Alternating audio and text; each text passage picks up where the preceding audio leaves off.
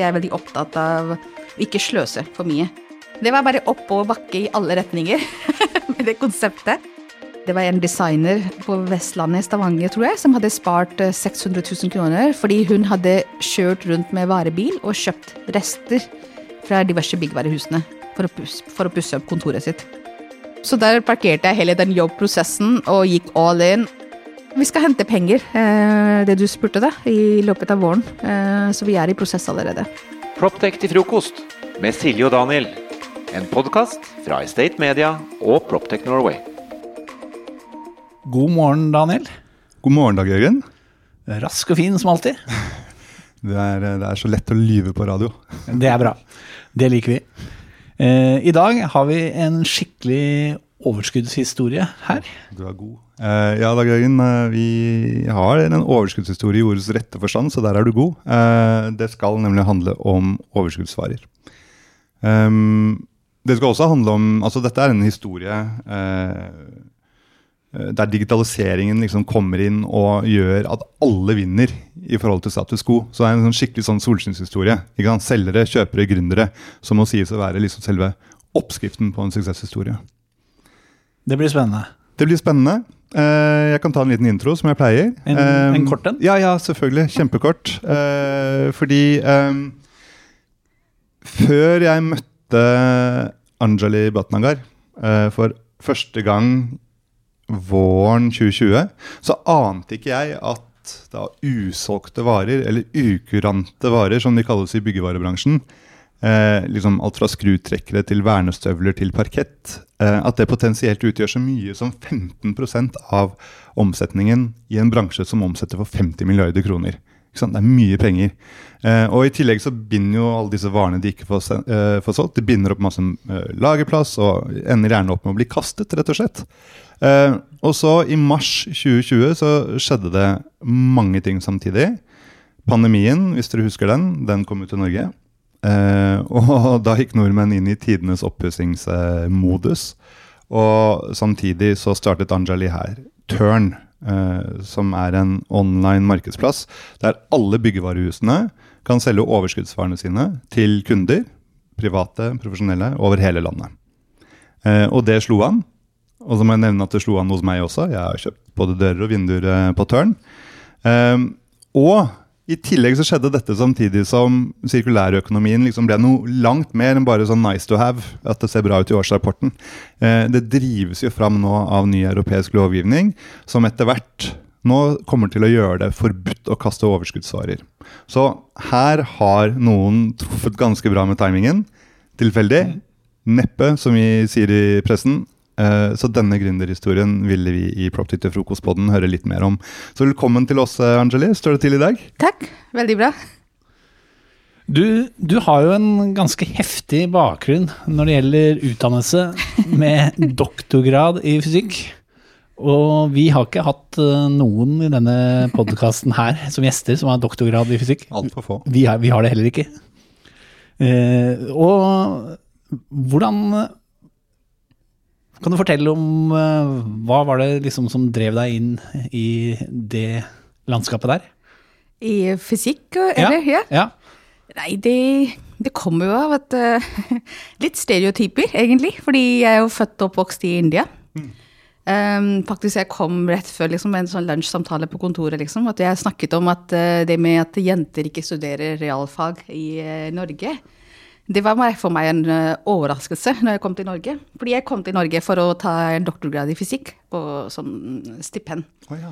mm. um, og i India er realfaget superpopulært, fordi um, det kjenner jo alle, liksom. Det er det vi snakker om, ingeniører og fysikere. Og, og, det gjelder både gutter og jenter, faktisk. Så, så hvis du gjør bra på skolen, så er det veldig naturlig veien videre at du studerer realfag.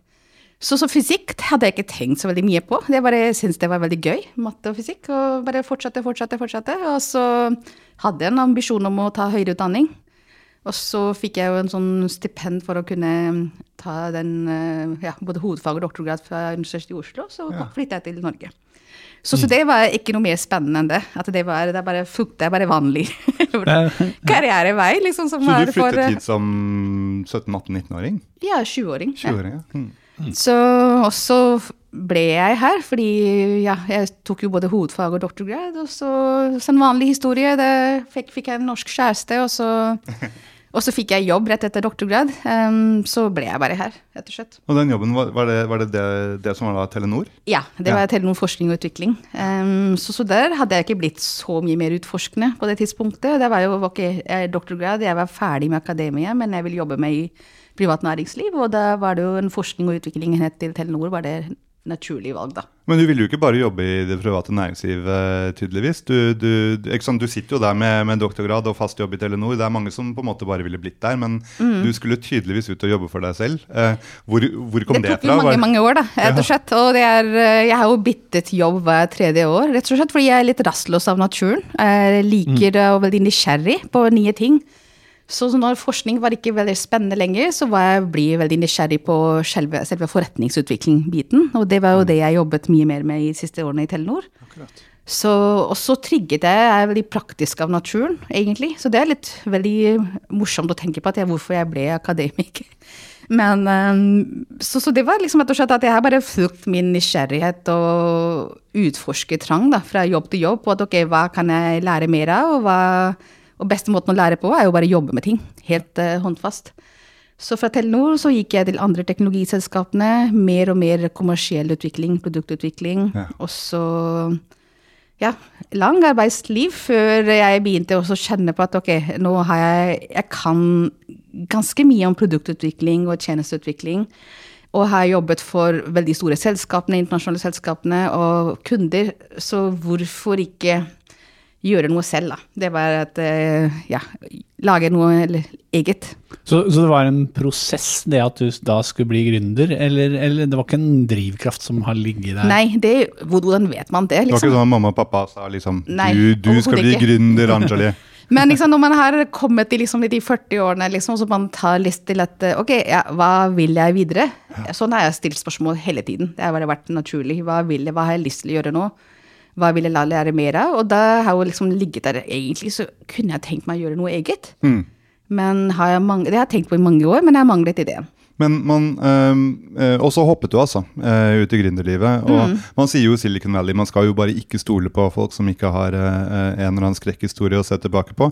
Uh, så det betyr jo at du, vi kan jo stole på deg. Uh, det gikk jo ikke så bra med din, med din, Første. første. med din første startup. Hva var den? Hva var, hva Det- var erfaringene fra den? som jeg også sa, at jeg har skikkelig liksom lyst til å gjøre noe eget, liksom. For tenk på, ok, hvis ikke jeg gjør det nå, nå skal jeg gjøre det. Um, og det ideen jeg hadde, det hadde ingenting med min bakgrunn å gjøre. Det var mer personlige, liksom. At uh, som kvinne flest så syns jeg det er veldig morsomt med, med litt klær og Ikke jeg er veldig opptatt av den, men det jeg er veldig opptatt av, er eh, Det kommer også fra min bakgrunn, at jeg er veldig opptatt av å ikke sløse for mye.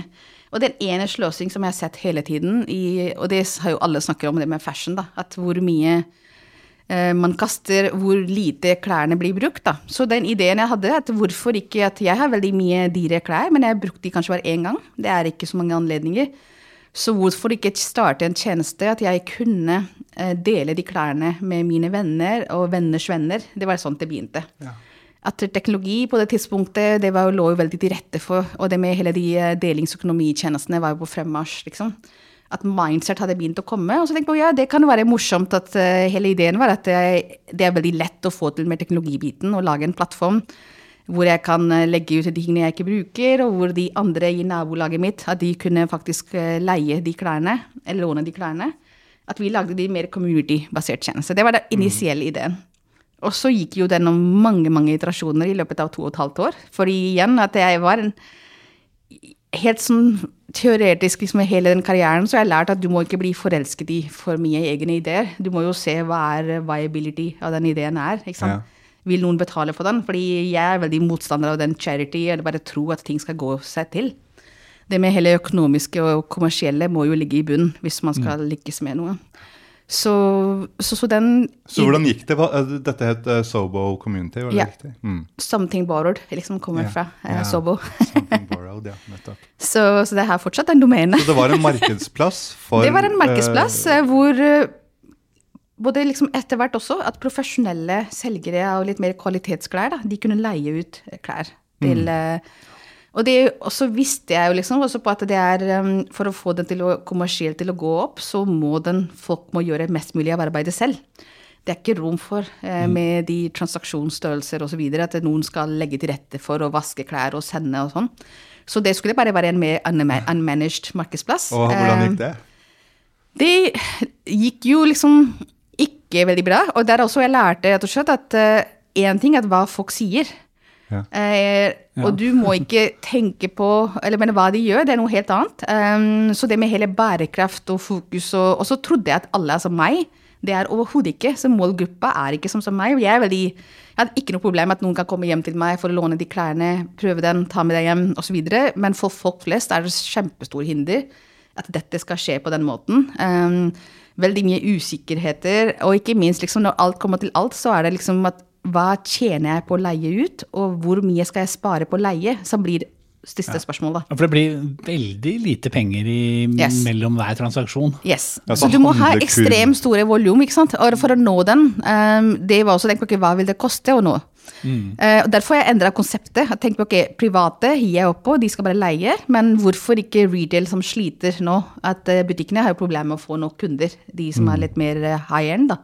Så tenk på at de kan leie ut, da får de introdusere sine liksom, kolleksjoner til eh, folk, og får de flere i butikken. Men det som jeg ikke Og det, nå snakker vi om 2017. eh, Det var altfor tidlig. Selv Ja, om det- de sleit med den, så var ikke de Også det som er en annen ting jeg lærte, da, når jeg begynte å jobbe med, er at eh, alle de mer eh, high-end fashion-butikkene i Norge, de er bare salgsenhetene. De har ikke noe beslutningsmyndighetene til å bestemme ok, vi skal begynne å leie. Så det var 100 ting. Det var bare oppover bakke i alle retninger med det konseptet. Så, etter liksom ganske, og så endret jeg konseptet igjen, at leie ble parkert. Og så, tenkte vi ok, alle handler nå brukte klær. Jeg kjøper bare brukte klær, men jeg har ikke tid til å gå på Finn og lete etter. Jeg vil bare gjerne ha en eller annen butikk som jeg vet som har ting som jeg liker, og så bare kjøpe og få de levert hjem. Og det ble jo konseptet slutt, da, at jeg hadde en markedsplass, og det gikk jo mye, mye bedre enn før. fordi da hadde vi jo 18 butikker fra seks forskjellige land som brukte eh, for å selge secondhand klær. Men, Men fortsatt igjen, så var ikke. Nei, nettopp. Så handlekurven var ikke stor nok. Og ikke nok volum til at eh, man kan forsvare at noen skal sitte og drive med. Selv om vi var bare tre personer, liksom. som Så var det et øyeblikk hvor du, hvor du satt der og følte at hei, jeg har doktorgrad i fysikk, og nå sitter jeg og snakker med en eh, fransk dame om en kjole. At dette her er ikke bærekraftig? Ja, ja, ja. Men det har ikke noe problem. Fordi det er også at hvis du er gründer, så må du jobbe med absolutt alle aspektene ikke sant, med tjenesten. Og det begynte jo å gå mye, mye bedre. Og der satt jeg og jobbet med alt fra rekruttering til kundesupport. Fordi som jeg sa, vi var bare tre personer, to og halv, på, som jobba med hele tjenesten. Og der satt jeg jo døgnet rundt og svarte folk på den chat på um, Og så, så skjønte jeg liksom også på at fy søren, jeg, jeg, er, jeg hater dette her, egentlig. Og det går jo ikke, liksom. Det er bare liksom motstand alle retninger. Og, og igjen, liksom Det med å bare skjønne at selv om man tror at man har hatt veldig mye erfaring med kommersiell utvikling, men du virkelig du ser reality ikke sant, i øynene. At det med bærekraft det kan være din driver, men den er ikke driver for folk flest som bruker tjenesten. Er, um, så det var veldig mange ting. Og så tenkte jeg på at ok, det er egentlig syns jeg det er gøy. Nå har jeg bare gjort bare på trass og holdt på dette her, bare få det til å funke. Og jeg er ganske sta. Men det er jo ikke noe gøy, og det har ikke vært noe gøy i to og et halvt år. Um, så, så det var, tok jeg, og ikke minst, det var én ting. Uh, den andre ting var at det var et helt enkelt regnestykke som også gjorde meg litt rasende på at jeg, hvorfor så jeg ikke det tidligere. og det var tenk på at dette konseptet vil aldri fungere. Fordi det som jeg kom til eh, realisasjon, var at hvor mye tid tok en butikk som vi hadde rekruttert til plattformen vår. Fordi vi master på dem hele tiden at de skal publisere mer og mer varer på plattform. Så det tok dem, uansett hvor raske de var, så brukte de 20 minutter på én annonse. Og den ene annonse inneholder ett plagg. Det skal de aldri kunne bruke det om igjen, ikke sant, den annonse. Og når jeg så den, tenkte jeg okay, de har jo trafikk i butikken osv. Hvis de skal bruke 20 minutter, det er det kortest tid på å lage en god annonse med bilder og størrelse på plaggene, det kommer aldri til å gå. Med den volum vi trenger. Og det var bare, det slo beina unna. liksom, tenkte ok, dette kommer aldri, Uansett hvor mye jeg sliter osv. En ting er at jeg ikke syns det er gøy, men det kommer ikke til å gå kommersielt. Og der snakket jeg med investoren jeg hadde på tidspunktet, at dette må vi legge ned.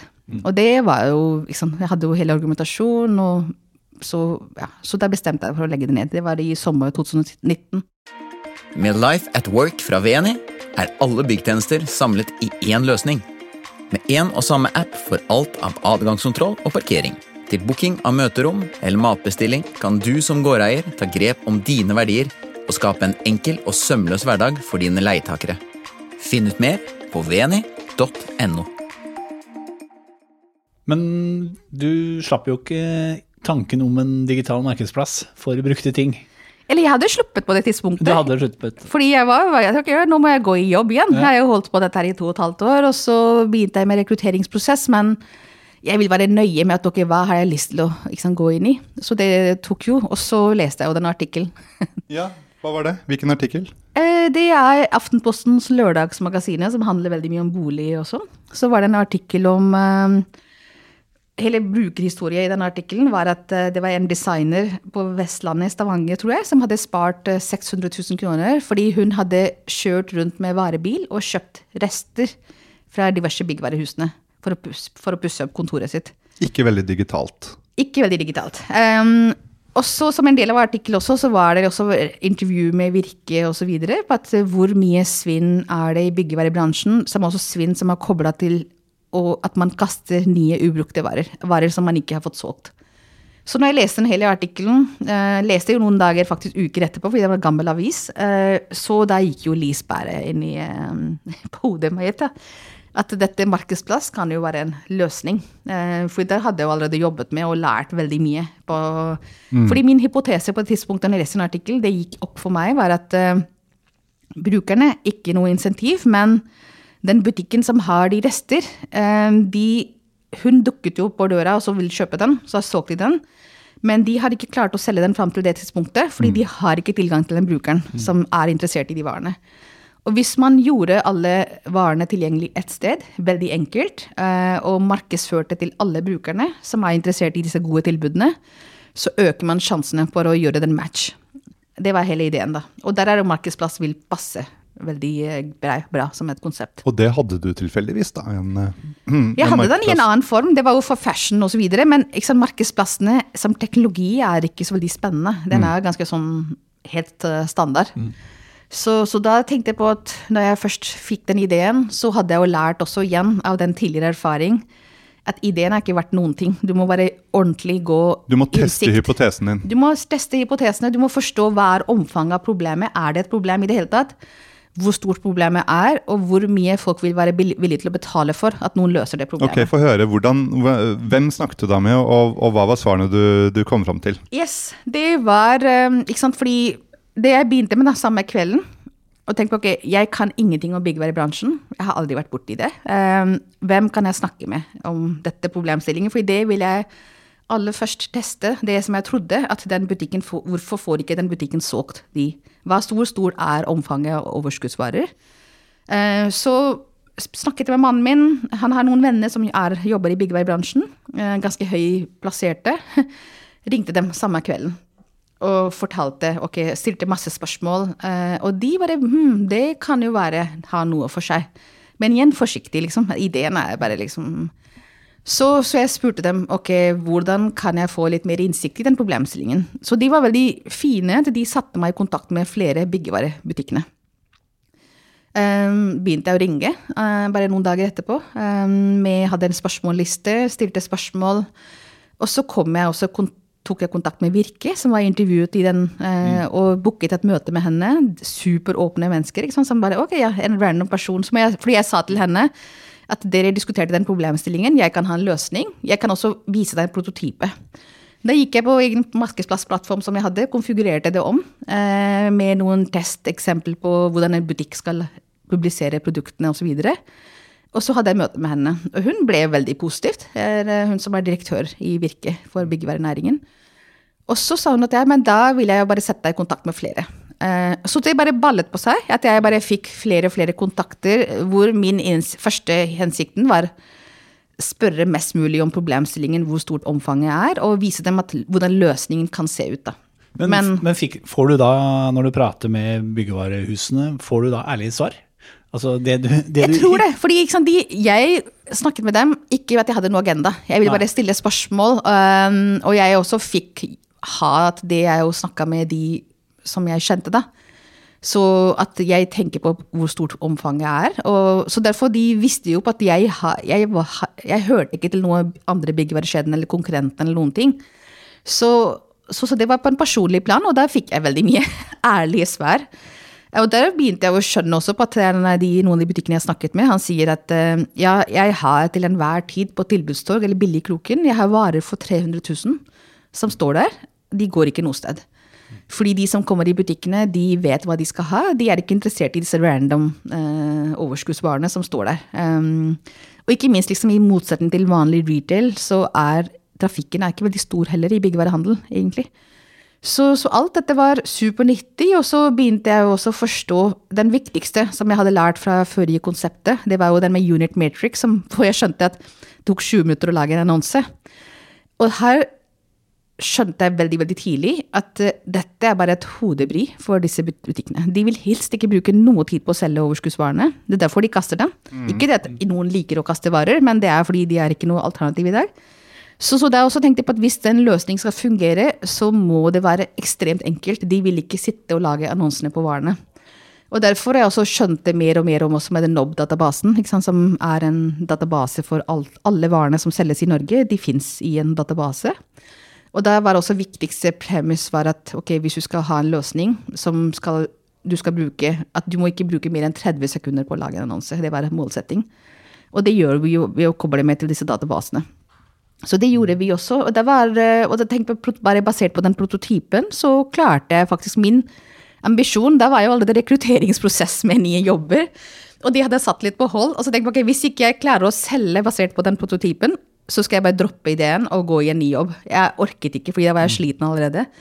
Men heldigvis, rett før jul, så klarte jeg å selge til første partneravtale med en byggevarekjede som sa at ja, de vil gjerne teste. Og da hadde jeg lovet dem at vi skal starte tre måneder etterpå. det hadde vi ikke.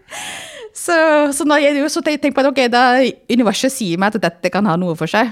Så, så der parkerte jeg hele den jobbprosessen og gikk all in og tok kontakt med han som CDO og hun som jobber med kommunikasjon. At, da var vi to og halv mennesker som jobbet døgnet rundt i tre måneder, og så lanserte vi tjenesten i mars 2020. Ja, Det må jeg si. Det var bra timing, da. Eller egentlig ikke, for det var jo ja, korona kom jo liksom, Det var to ja. dager etter korona. Da hadde vi lovet den skjeden at vi skal lansere med ja. en eh, begrenset eller minimumløsning. da. Ja, men, men eh, jeg, da ble vi usikre liksom, på okay, hva skjer nå. Hvordan skal dette her gå? Ja. jeg tenkte mer på at plutselig så skulle jo alle kjøpe byggevarer. Det skjedde ikke før litt seinere. det, det, var ikke sant, i april-mai. Men det som jeg hadde lært også fra den forrige konseptet, all læring gikk rett inn i dette her. Mm. Og derfor gikk det også så mye fortere. fordi vi begynte med januar, så begynte vi å lage selve produktet. Og der begynte vi å markedsføre den allerede.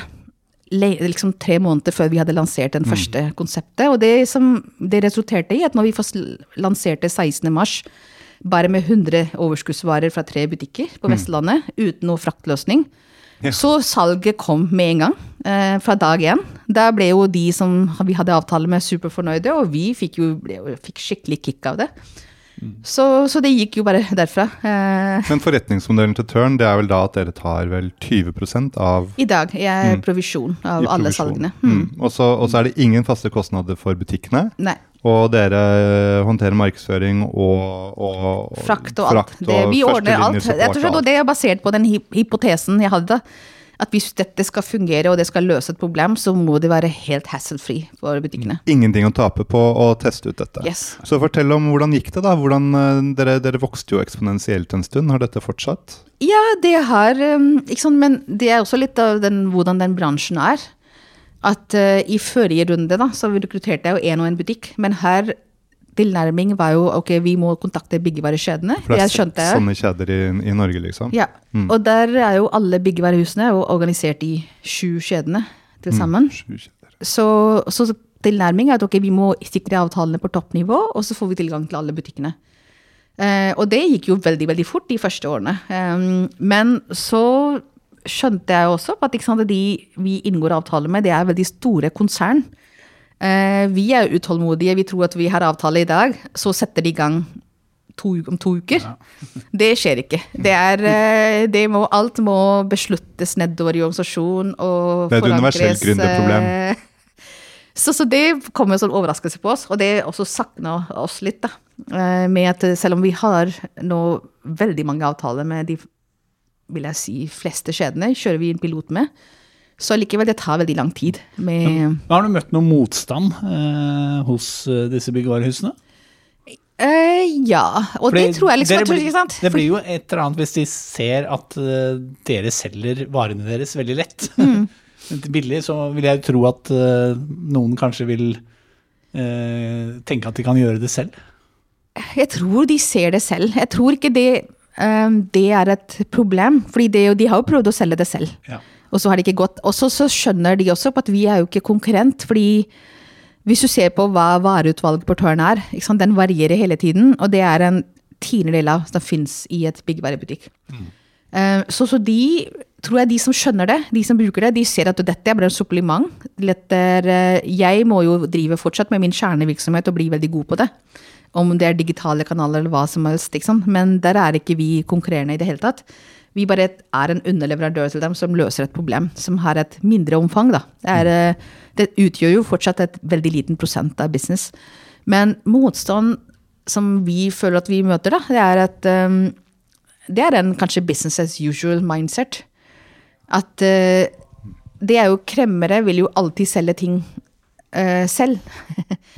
ja. Eh, og på Tørn så selges jo med tap. Eh, og vår argumentasjon er jo på at okay, det er best for deg å bare ta tap. Så med en gang du ser at de varene går ikke noe sted, så er det best å selge for kostpris på Tørn eh, og bli kvitt dem og realisere arbeidskapitalen din. Istedenfor å la de ligge, akkumulere kostnadene og så betale for å kaste etter hvert. Men den tankesettet, da, den er, jeg føler at det er ikke helt stuerent med at ok, la noen andre selge de varene, og selge med tap. Det er noe veldig grunnleggende mot den hele kremmerånden. som, og selv om det gir mening, de som skjønner det, portøren og aktive, de bruker det og ser at dette eh, funker. Men det er en annen, den igjen, alltid med Grinder, også selskapene, det er at når du tilbyr noe helt annerledes, um, så er det bare for folk til å forstå den. Det tar litt tid, da. Mm. Men hvor mye kan en uh, aktiv butikk selge for via Tørn på, på en Den beste butikken vår har solgt for nesten to millioner kroner i løpet av to år. Um, mens det er jo helt range med noen som bruker det veldig sporadisk, og noen bruker det helt jevnlig. Mm. Men eh, de helt sånn jevnlig, de selger for 50 000-60 000 kroner i måneden. Men du, altså Fra et bærekraftsperspektiv så er jo dette helt gull. Uh, jeg så en artikkel her om dagen hvor Mm. du snakket om hvor mye varer dere faktisk har hindret fra å bli kastet, egentlig. Hvor mye Ja. er det snakk om? Eller siden vi starta to og et halvt år siden, så totalsummen er 500 tonn. Og det er også på ikke, hva er det det tallet? Ikke sant? Det er vanskelig å få til, men jeg tenker, ja, en personbil er jo to tonn. Så, så det er jo litt eh, ikke sant, 500 smart. tonn med, Ja. med, med varer som nå Ja. har kommet i bruk i norske hjem, Yes. og som ellers eh, Hadde blitt kastet, hadde blitt ja. kastet. Så det er jo en del av sirkulærøkonomien. eh, Mm. og, men eh, hvordan er myndighetene til å legge til rette for eh, nå, nå er jo den sirkulære økonomien er jo veldig stor, og du har, Mm. eh, du har deler av den som handler f.eks. om varer som, eller ting som allerede er i et bygg, Mm. og når det skal rives. Gjenbruk av byggematerialer. Gjenbruk og ombruk. eh, Mm. Har, du, har du noen særlige oppfatninger av det, selv om du egentlig sitter på en litt annen del av den verdikjeden? Jeg føler at det er eh, Hvis jeg skal snakke generelt da, om gjenbruk og ombruk, så føler jeg at det er jo ganske mange problemstillinger liksom, kobla til den.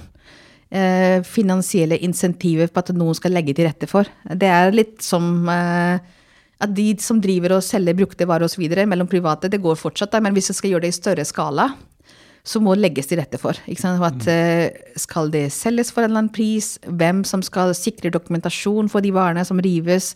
Hvor skal de lagres fram til at de skal trenge å bli brukt? Da? Hvem skal betale for det lageret i plasten? Skal du klare å tjene de pengene når du selger ombruksvarer?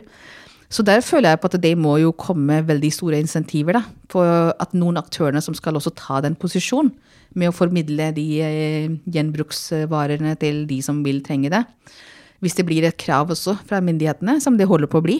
Men når det gjelder um, overskuddsvarer, så føler jeg at dette er jo ligget til rette for at dette kan funke som, som det er nå. Er, er, sant? Det er rene folk- markedskrefter som fungerer. der. Yes, ikke sant? Fordi for de som skal selge, det er bare å få tilbake arbeidskapitalen så fort som mulig. På, og de som skal kjøpe, de gjør skikkelig gode deals. Det er jo bare liksom, så der føler jeg at det er ikke noe Men det som man Bra trenger innsalg, det, egentlig. Ja, det som jeg trenger liksom hjelp til, det er å bare sette problemstilling på agenda.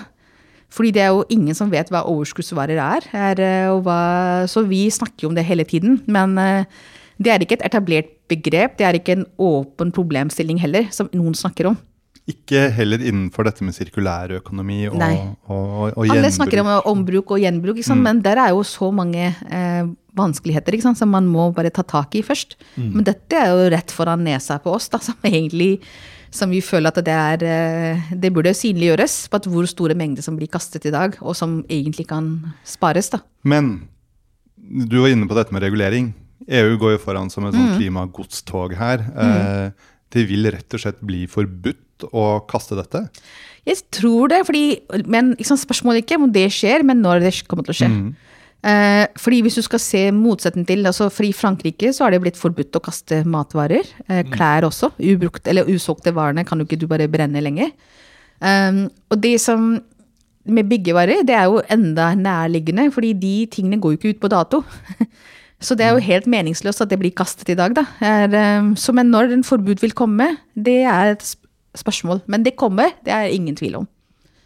Så, og der vil jo Norge også bli forplikta til å følge de retningslinjene. Mm. Og hvor, hvordan vil det påvirke tørn? Yes, det vil jo påvirke bra, for det jeg tenker på, da er vi jo en løsning som er etablert allerede, ikke sant, som funker. Vi planlegger jo på at etter hvert Vi har jo mer enn nok å ta bare fra handel nå.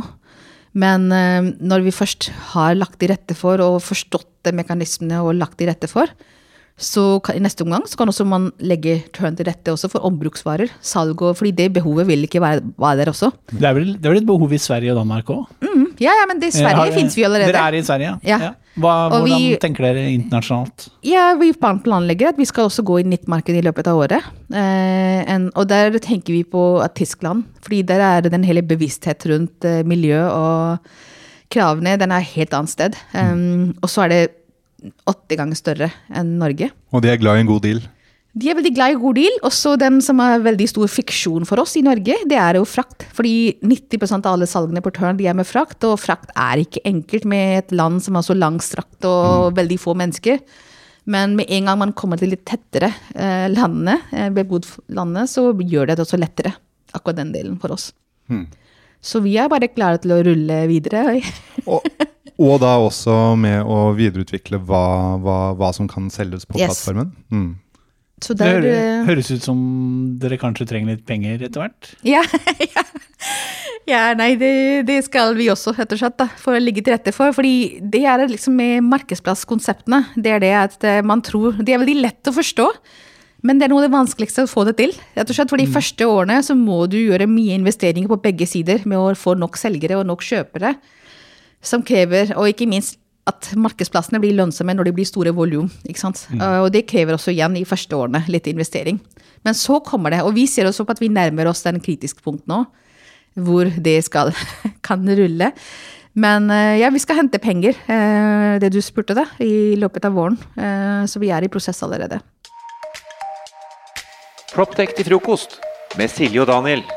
En podkast fra Estate Media og Proptech Norway.